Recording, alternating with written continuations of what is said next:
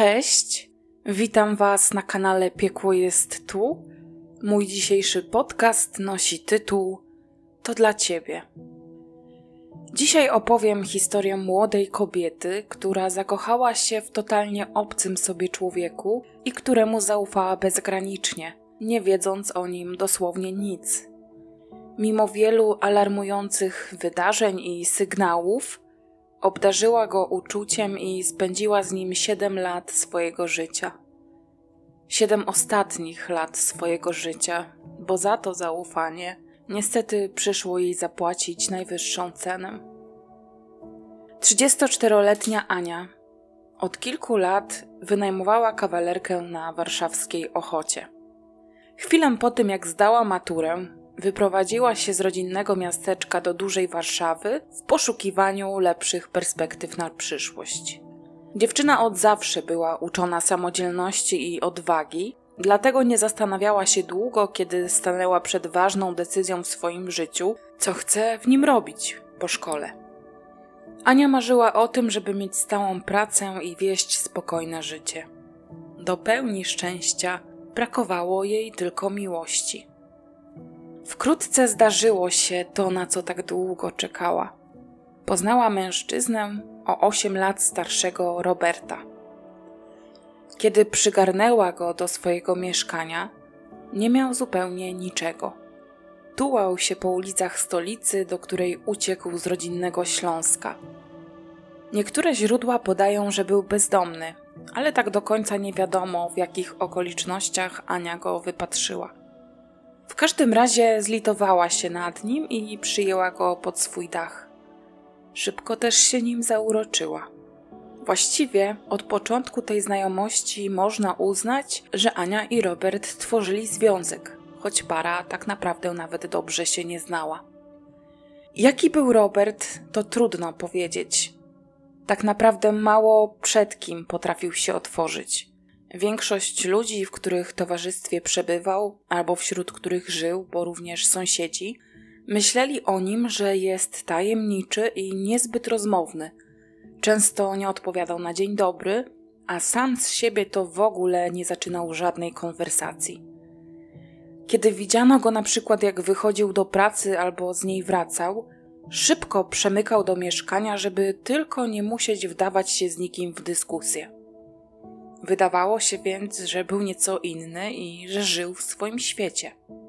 A że faktycznie skrył pewne tajemnice, wyszło na jaw już po kluczowych wydarzeniach. Ania pracowała na giełdzie, gdzie sprzedawała kwiaty. Pracę zaczynała wczesnym rankiem, z domu wychodziła przed trzecią nad ranem.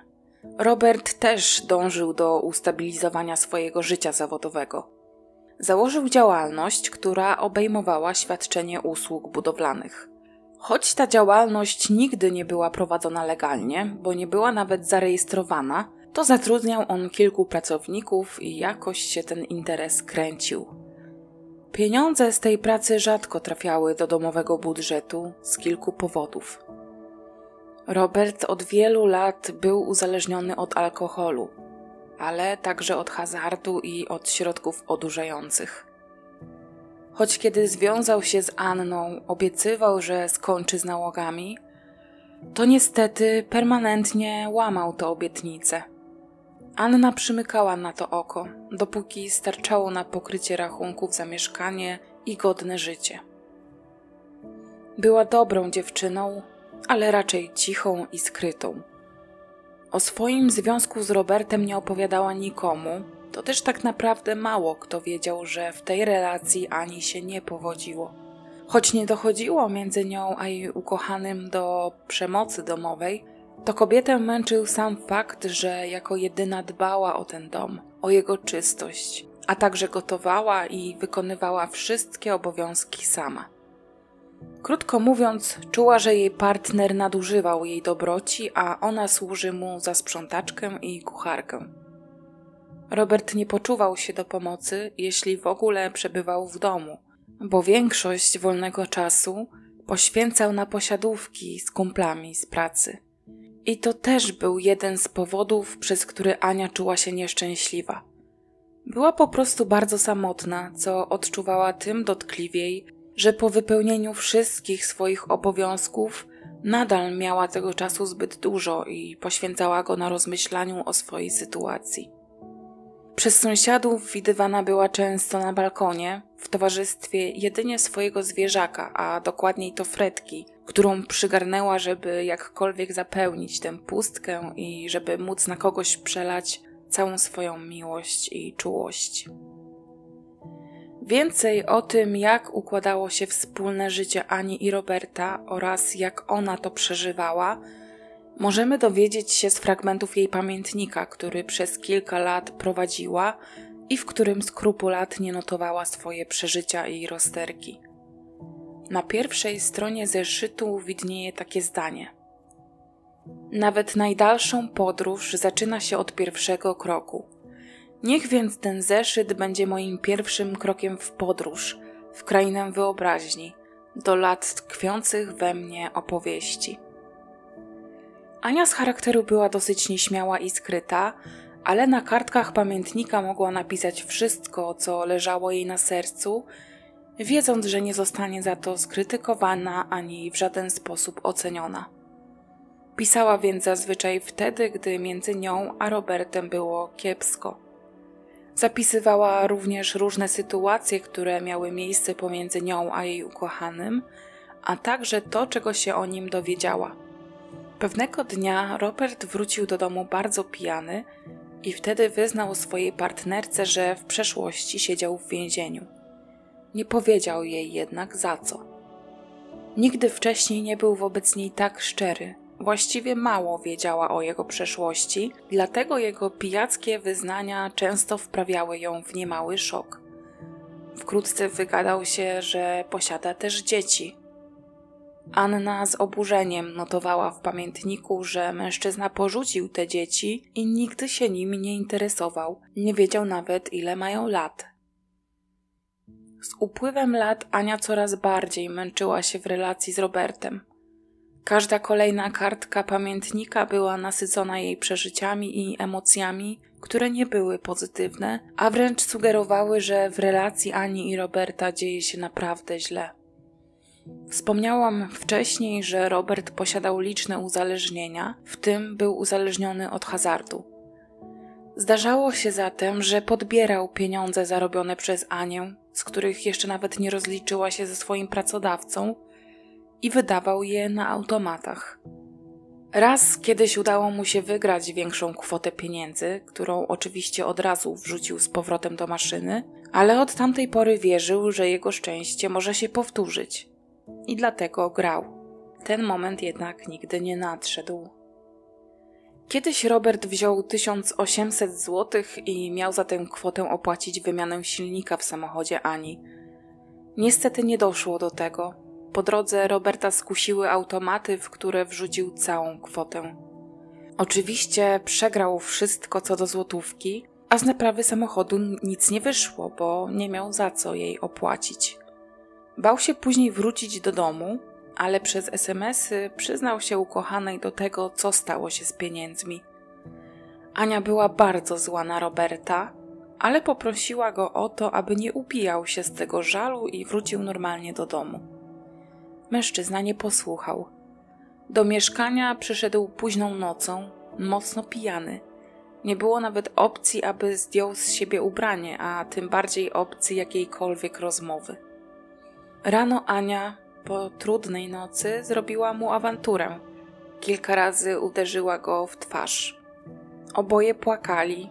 Robert wyrzucał ukochanej dystans, który w stosunku do niej utrzymuje, a ona płacząc wyznawała mu miłość. W pamiętniku zanotowała tego dnia, że czuje się winna pogarszającej się relacji, bo to ona niewystarczająco o nią dbała tak jakby zapomniała, o co w ogóle była na niego zła. Ania zanotowała również, że Robert ją zdradził. Jej zdaniem odwiedzał agencje towarzyskie i korzystał z usług prostytutek. Temu też czuła się winna, bo często odmawiała ukochanemu zbliżeń. Unikała tego, bo praktycznie zawsze czuć było od niego alkohol, co ją skutecznie blokowało. Do Roberta jednak nie docierały powody, przez które Anna nie potrafiła cieszyć się jego dotykiem. Dla niego liczył się tylko fakt, że go od siebie odpychała i zupełnie nie widział w tym swojej winy. Pewnego dnia Ania w zeszycie zanotowała. Robert doprowadził mnie wczoraj do szaleństwa. Pili jak menele na klatce schodowej. Myślałam, że ocipieje od dymu i głupot, które Robert opowiadał. Innym razem pisała. Poszedł spać, a jego oddech można by się upić wdychając opary. Choć Ania otwarcie wyrażała w swoim pamiętniku niechęć do partnera i jego nałogów, to jednak wciąż z nim była. Choć często wspominała o tym, że ma świadomość, że jej partner się nie zmieni, to jej bierność wynikała z tego, że bała się samotności. Zdanie, które dobitnie ukazuje, jakie targały nią emocje, kiedy rozmyślała o rozstaniu, to tylko czy potrafię docenić odzyskaną wolność, czy jak ptak, który uciekł z klatki, byłabym przerażona przestrzenią. Mimo takich rozmyślań, Ania nie podjęła stanowczych kroków. Może faktycznie nie była jeszcze gotowa. Z jej słów zapisanych w zeszycie między wierszami można było wyczytać, że w Robercie przeszkadzało jej i irytowało ją dosłownie wszystko. Nie było tam pozytywnych wpisów na jego temat, zwłaszcza już pod koniec ich relacji.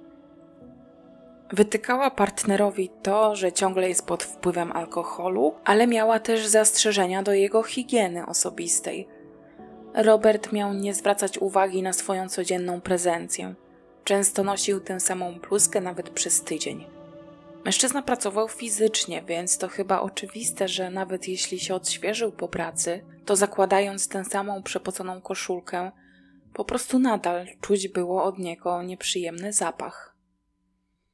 Ania nie pojawiała się w towarzystwie swojego partnera wśród swoich bliskich. Można więc wysnuć teorię, że albo się go wstydziła, albo na przykład bała się tego, co ktoś może o Robercie pomyśleć, bo niestety nie miał on w sobie ani krzty ogłady. Tylko raz przedstawiła Roberta swojej mamie, ale nie wywarł on na niej pozytywnego wrażenia. Ania podczas trwania tego spotkania wciąż z niepokojem zerkała w stronę partnera, jakby czekała tylko, aż powie on coś, za co będzie musiała się wstydzić. Mama Ani od razu wyczuła, że Robert nie jest wymarzonym partnerem dla jej córki, zwłaszcza dlatego, że wyraźnie nadużywał alkoholu. Może nie upijał się do stanu nieprzytomności, ale po jego zachowaniu można było stwierdzić, czy znajduje się pod wpływem. Więc kobieta, nie mogąc córce zakazać tego związku, po prostu później nie zabiegała już o żadne spotkania. Ania w pamiętniku pisała też o tym, że trudno jest zakończyć trwającą kilka lat relację, choć nie przynosi ona dobrych emocji. Właściwie nie przynosi nic dobrego. Wiele razy również pisała o tym, że czas zakończyć relację z Robertem. Tak jakby w ten sposób sama sobie próbowała dodać odwagi do tego kroku. Jeden z ostatnich wpisów w zeszycie z listopada 2011 roku to dwa dosadne słowa: posypało się. A jeszcze kolejny to on się nie zmieni. O ile wcześniej jej wpisy zawierały na przykład opis konkretnych sytuacji albo były bardziej rozbudowane, jeśli chodzi o jej przeżycia czy emocje, to później Ania pisała coraz rzadziej i bardziej enigmatycznie. Stało się tak dlatego, że miała podejrzenie, że jej partner bez jej wiedzy i zgody czyta jej zapiski, a ona jednak chciała, aby zostało to jej prywatną sprawą. Z ostatnich zapisków można było jednak odnieść wrażenie, że zbierała się w sobie, aby związek z Robertem przerwać i że była już coraz bliżej tej decyzji. Relacji tej jednak nie zakończyła, bo nie zdążyła. 2 lutego 2012 roku Robert obchodził 42 urodziny. Dzień wcześniej umówił się z Anną, że tuż po pracy wróci do domu i będą mogli spędzić wieczór razem. Perspektywa spędzenia pierwszego od bardzo dawna wieczoru razem bardzo cieszyła kobietę. Zwłaszcza, że był to ważny dzień, bo urodziny partnera to nie byle okazja. Postanowiła zatem przygotować coś do jedzenia i oczekiwała na powrót Roberta. Niestety doczekała się go, ale dużo później niż się umawiali. Tuż po skończonej pracy koledzy Roberta zaproponowali mu wspólne świętowanie przy butelce. Robert zgodził się na to, bo każda okazja była dobra, aby się napić, a już zwłaszcza taka. Wiedział, że z Anią nie będzie mógł świętować w sposób, w jaki najbardziej lubił. Do domu wrócił więc dużo później niż obiecał i już pod wyraźnym wpływem alkoholu. Zresztą nie tylko alkoholu, bo był odurzony również innymi substancjami psychoaktywnymi. Wydawałoby się, że partnerka nie była zła za jego spóźnienie. Nie rozzłościł jej także stan, w jakim Robert się znajdował. Na stole czekała na niego kolacja, tak jak się tego spodziewał. Ania usmażyła mu jego ulubione naleśniki. Zdaniem Roberta nie było żadnych pretensji ani awantury. Kobieta, choć na pewno była zawiedziona, to nie dała tego po sobie poznać. Jak przebiegła reszta wieczoru i nocy? Co do tego, pewności nie będzie chyba już nigdy. Kilka dni później, 7 lutego 2012 roku, do drzwi mieszkania przy ulicy Białobrzeskiej, gdzie mieszkała Anna i Robert, zapukał właściciel tego mieszkania. Od jakiegoś czasu nie mógł się skontaktować z najemcami w sprawie płatności za lokum. Nigdy wcześniej nie zdarzyło się, aby lokatorzy mieli jakikolwiek problem z uregulowaniem płatności, to też nie brał zupełnie pod uwagę opcji, że unikali tego kontaktu celowo. Zawsze zresztą zjawiał się w mieszkaniu osobiście, żeby odebrać gotówkę, ale uprzednio informował o tym najemców. Tym razem także chciał się najpierw umówić na wizytę, ale nikt nie podjął z nim kontaktu. Żeby sprawdzić, czy wszystko jest w porządku, postanowił osobiście stawić się w mieszkaniu i nie czekać na żadną odpowiedź. Miał osobny komplet kluczy, to też kiedy na jego pukania do drzwi nikt nie zareagował, włożył klucz w zamek i przekręcił. Powoli otworzył drzwi i pierwsze co zobaczył, to siedzącego na podłodze z podkulonymi nogami Roberta. Mężczyzna wydawał się być nieobecny. W ręku trzymał papierosa. Był bardzo blady. W obrębie jego nadgarstków i brzucha widoczne były cięcia a wokół niego leżało mnóstwo pustych butelek po alkoholu. Kiedy właściciel mieszkania wszedł do głównego pomieszczenia, zauważył na łóżku wystające spod kołdry stopy człowieka. Były bardzo sine i widoczne były na nich niewielkie ślady krwi. Przeraził się, ponieważ Robert poinformował go, że to Ania i że kobieta nie żyje, ponieważ ją udusił. To, co wynajmujący zauważył jeszcze, to krwawy napis na ścianie nad łóżkiem o treści: Aniu, to dla ciebie. Zdanie to napisane było przez sprawcę krwią ofiary. W mieszkaniu panował niesamowity bałagan. Wszędzie walały się butelki, a zawartość szafek i szuflad znajdowała się na podłodze. Właściciel później podczas składania zeznań powiedział, że nigdy wcześniej nie widział takiego bałaganu. Ania była wymarzonym najemcą, bezproblemowym, dbającym o porządek i wywiązującym się z umowy. Policjanci wezwani na miejsce zbrodni przystąpili do zabezpieczania śladów. 34-letnia kobieta leżała na łóżku w zaschniętej już krwi, której było bardzo dużo. Nie było wątpliwości, że nie żyła od wielu godzin. Na ciele miała widoczne ślady pobicia, również na twarzy i na głowie. Ale to, co najbardziej zszokowało wszystkich, to fakt, że przed śmiercią została potraktowana bardzo brutalnie. Doświadczyła niesamowitego okrucieństwa, ponieważ została zgwałcona butelką po winie. Tę butelkę śledczy odnaleźli w stosie innych butelek i zabezpieczyli ją do badań. Już na pierwszy rzut oka, co także zaobserwował właściciel mieszkania, można było dostrzec na niej smugi krwi, a późniejsze badania potwierdziły, że była to krew ofiary. Ten brutalny akt spowodował rozerwanie dróg rodnych kobiety i w jego wyniku doznała silnego krwotoku. Natomiast nie to było przyczyną jej śmierci. Sprawca najpierw zaciskał na jej szyi ręce, a później udusił ją przewodem elektrycznym. Gdyby tego nie zrobił, Ania i tak wykrwawiłaby się z powodu odniesionych obrażeń. Kobieta zginęła w nocy z 2 na 3 lutego, a więc Robert spędził z jej ciałem cztery dni. Cztery dni, podczas których pił. Pod paznokciami kobiety znajdowała się nieznaczna ilość naskórka Roberta. To, jak i to, że na jej stopach zabezpieczono ślady jej krwi, może wskazywać na to, że próbowała wyrywać się ze śmiertelnego uścisku. Później podczas śledztwa sprawca stwierdził, że kobieta wcale się nie broniła. Jedynym podejrzanym w tej sprawie był oczywiście Robert.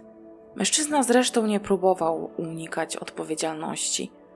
Przyznał się do tego, że w nocy z 2 na 3 lutego 2012 roku udusił Annę, choć nie był w stanie podać dokładnego przebiegu tej nocy, kiedy zginęła – Pamiętał tylko wydarzenia do momentu, kiedy znaleźli się w łóżku i doszło między nimi do zbliżenia.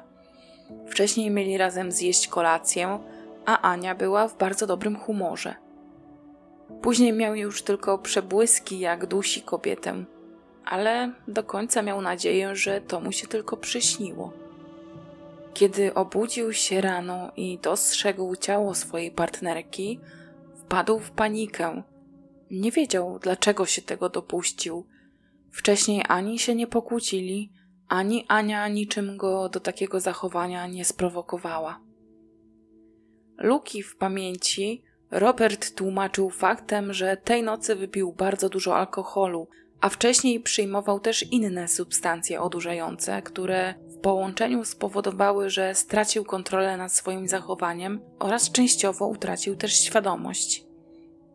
Kiedy obudził się rano, był zdziwiony tym, że Ania nie wstała do pracy. Zawsze przecież wychodziła bardzo wcześnie, na pewno przed nim.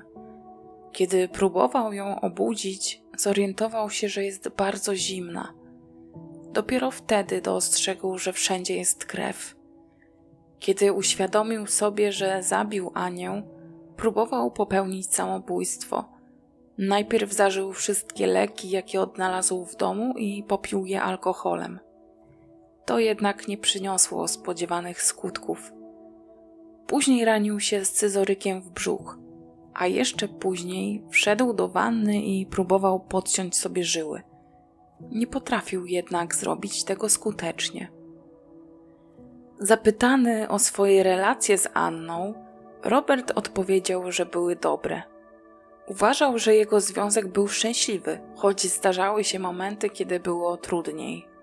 Miał pełną świadomość tego, że te trudności spowodowane były jego chorobą alkoholową, ale mimo jego uzależnień rzadko dochodziło w tym związku do poważnych kłótni. Jedną z większych była ta, kiedy Ania wygarnęła Robertowi zdradę, której on oczywiście się wyparł. Twierdził, że ubzdurała sobie, że odwiedzał agencje towarzyskie.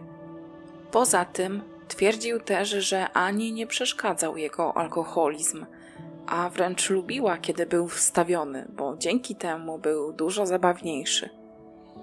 Uważał też, że relacja z Anną była najlepszym, co go w życiu spotkało. Policjanci byli jednak w posiadaniu pamiętnika ofiary i z niego wyłaniał się zupełnie inny obraz tej relacji. Robert, zapytany o to, czy chciałby skonfrontować swoje odczucia z odczuciami swojej partnerki, odmówił. Twierdził, że niepotrzebnie rozdrapałby tym i tak bolesne rany.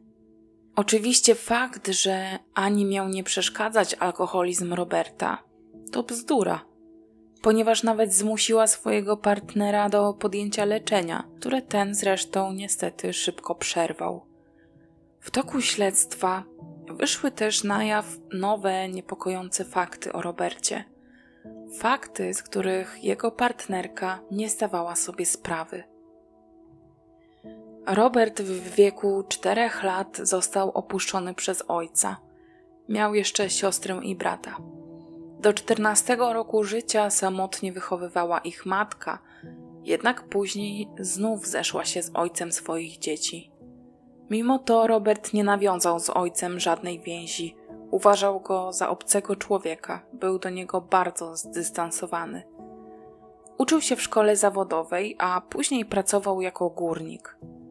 Od zawsze jednak wykazywał agresywne zachowania. Już w wieku 17 lat po raz pierwszy wszedł w konflikt z prawem. Jako nastolatek był karany za kradzieże. Rok później, w wyniku rodzinnej awantury, dopuścił się zabójstwa swojego ojca. Stanął wtedy w obronie matki, która była bita przez agresywnego męża uzależnionego od alkoholu.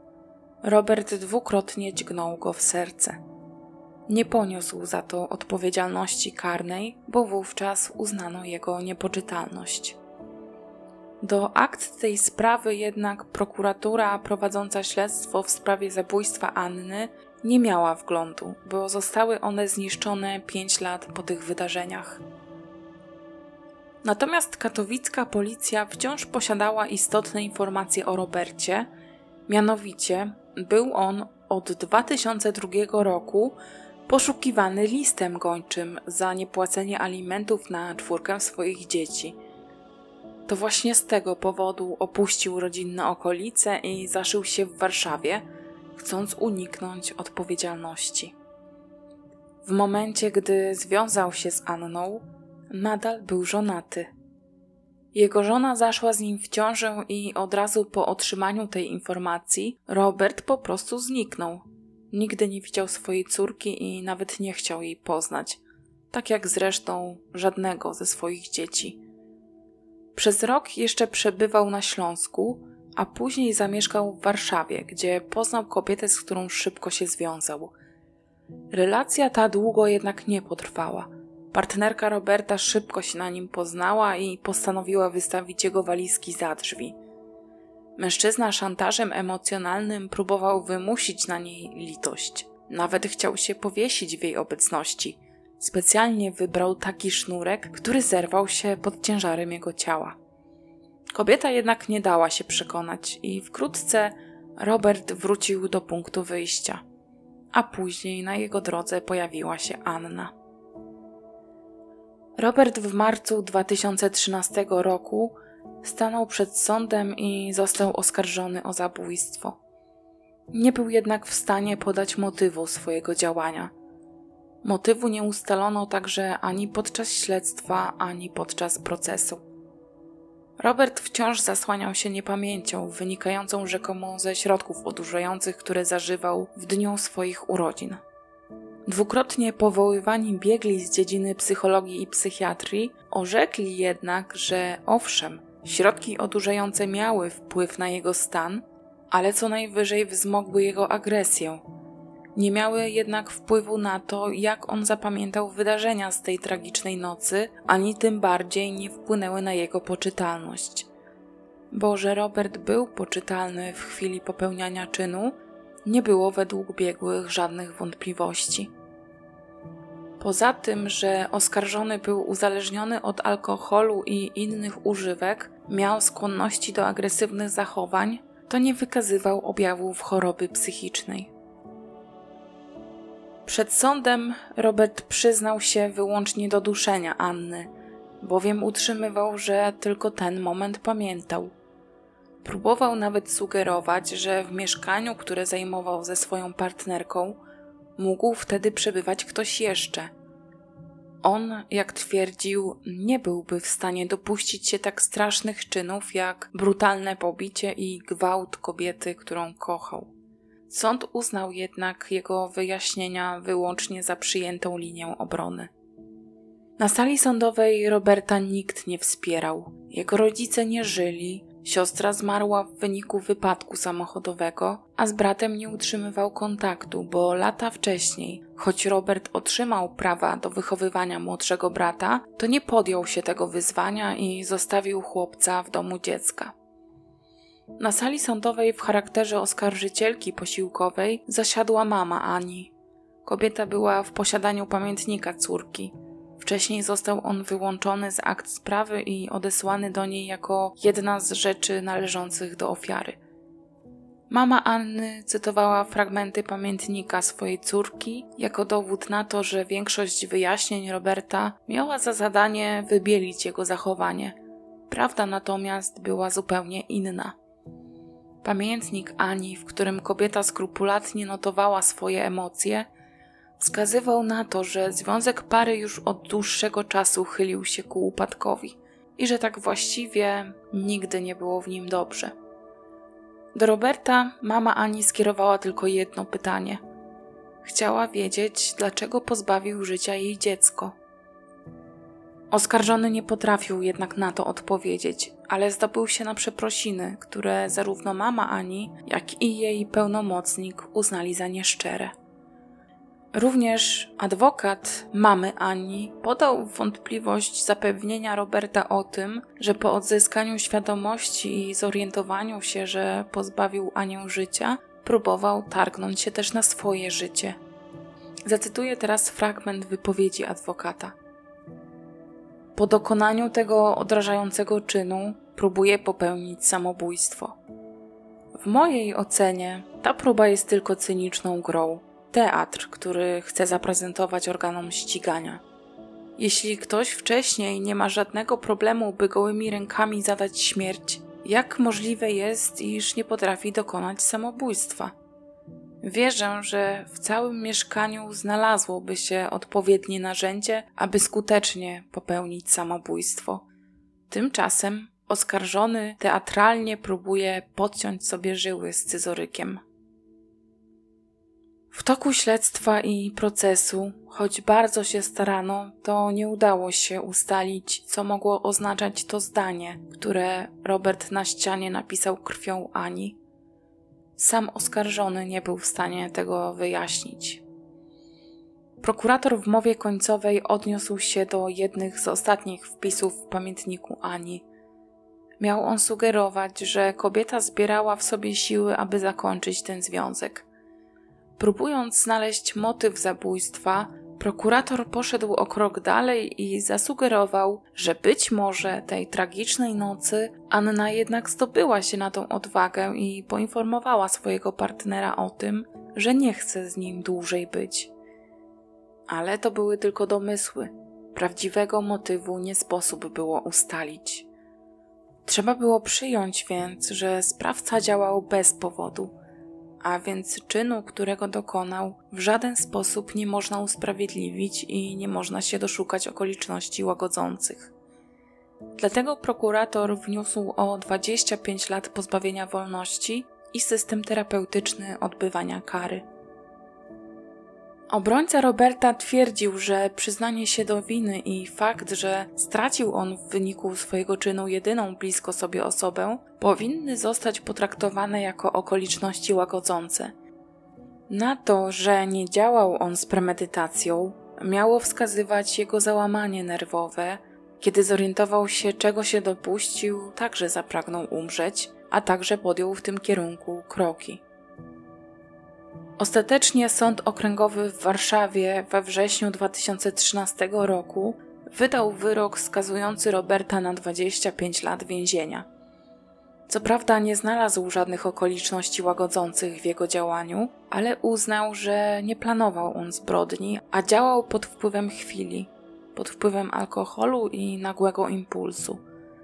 Czyn ten nie był zatem dokonany z premedytacją, ale dokonując go, Robert sam siebie skazał na wyeliminowanie ze społeczeństwa, ponieważ wykazał się okrucieństwem i brutalnością.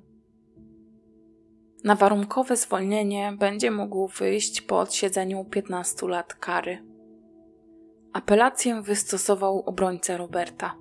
Prosił o zmniejszenie kary dla swojego klienta, który jego zdaniem nie był całkowicie zdemoralizowany – Miał ambicje, aby w więzieniu podjąć pracę oraz zdecydował się na leczenie, a także bardzo mocno przeżył śmierć swojej partnerki, żałując tego, co zrobił. Ku rozczarowaniu Roberta sąd odrzucił apelację, uznając, że jest ona bezzasadna, a kara jest adekwatna do stopnia winy. Ten wyrok zapadł w walentynki, czyli 14 lutego 2014 roku, czyli praktycznie dwa lata po śmierci Ani. Wyrok jest prawomocny.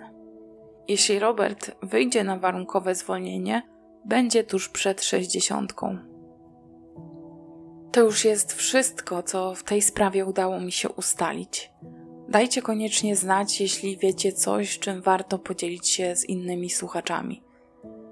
Ja jak zawsze czekam na Wasze refleksje w komentarzach i przytulam każdego, kto dzisiaj tego potrzebuje, i mam nadzieję, że słyszymy się niebawem.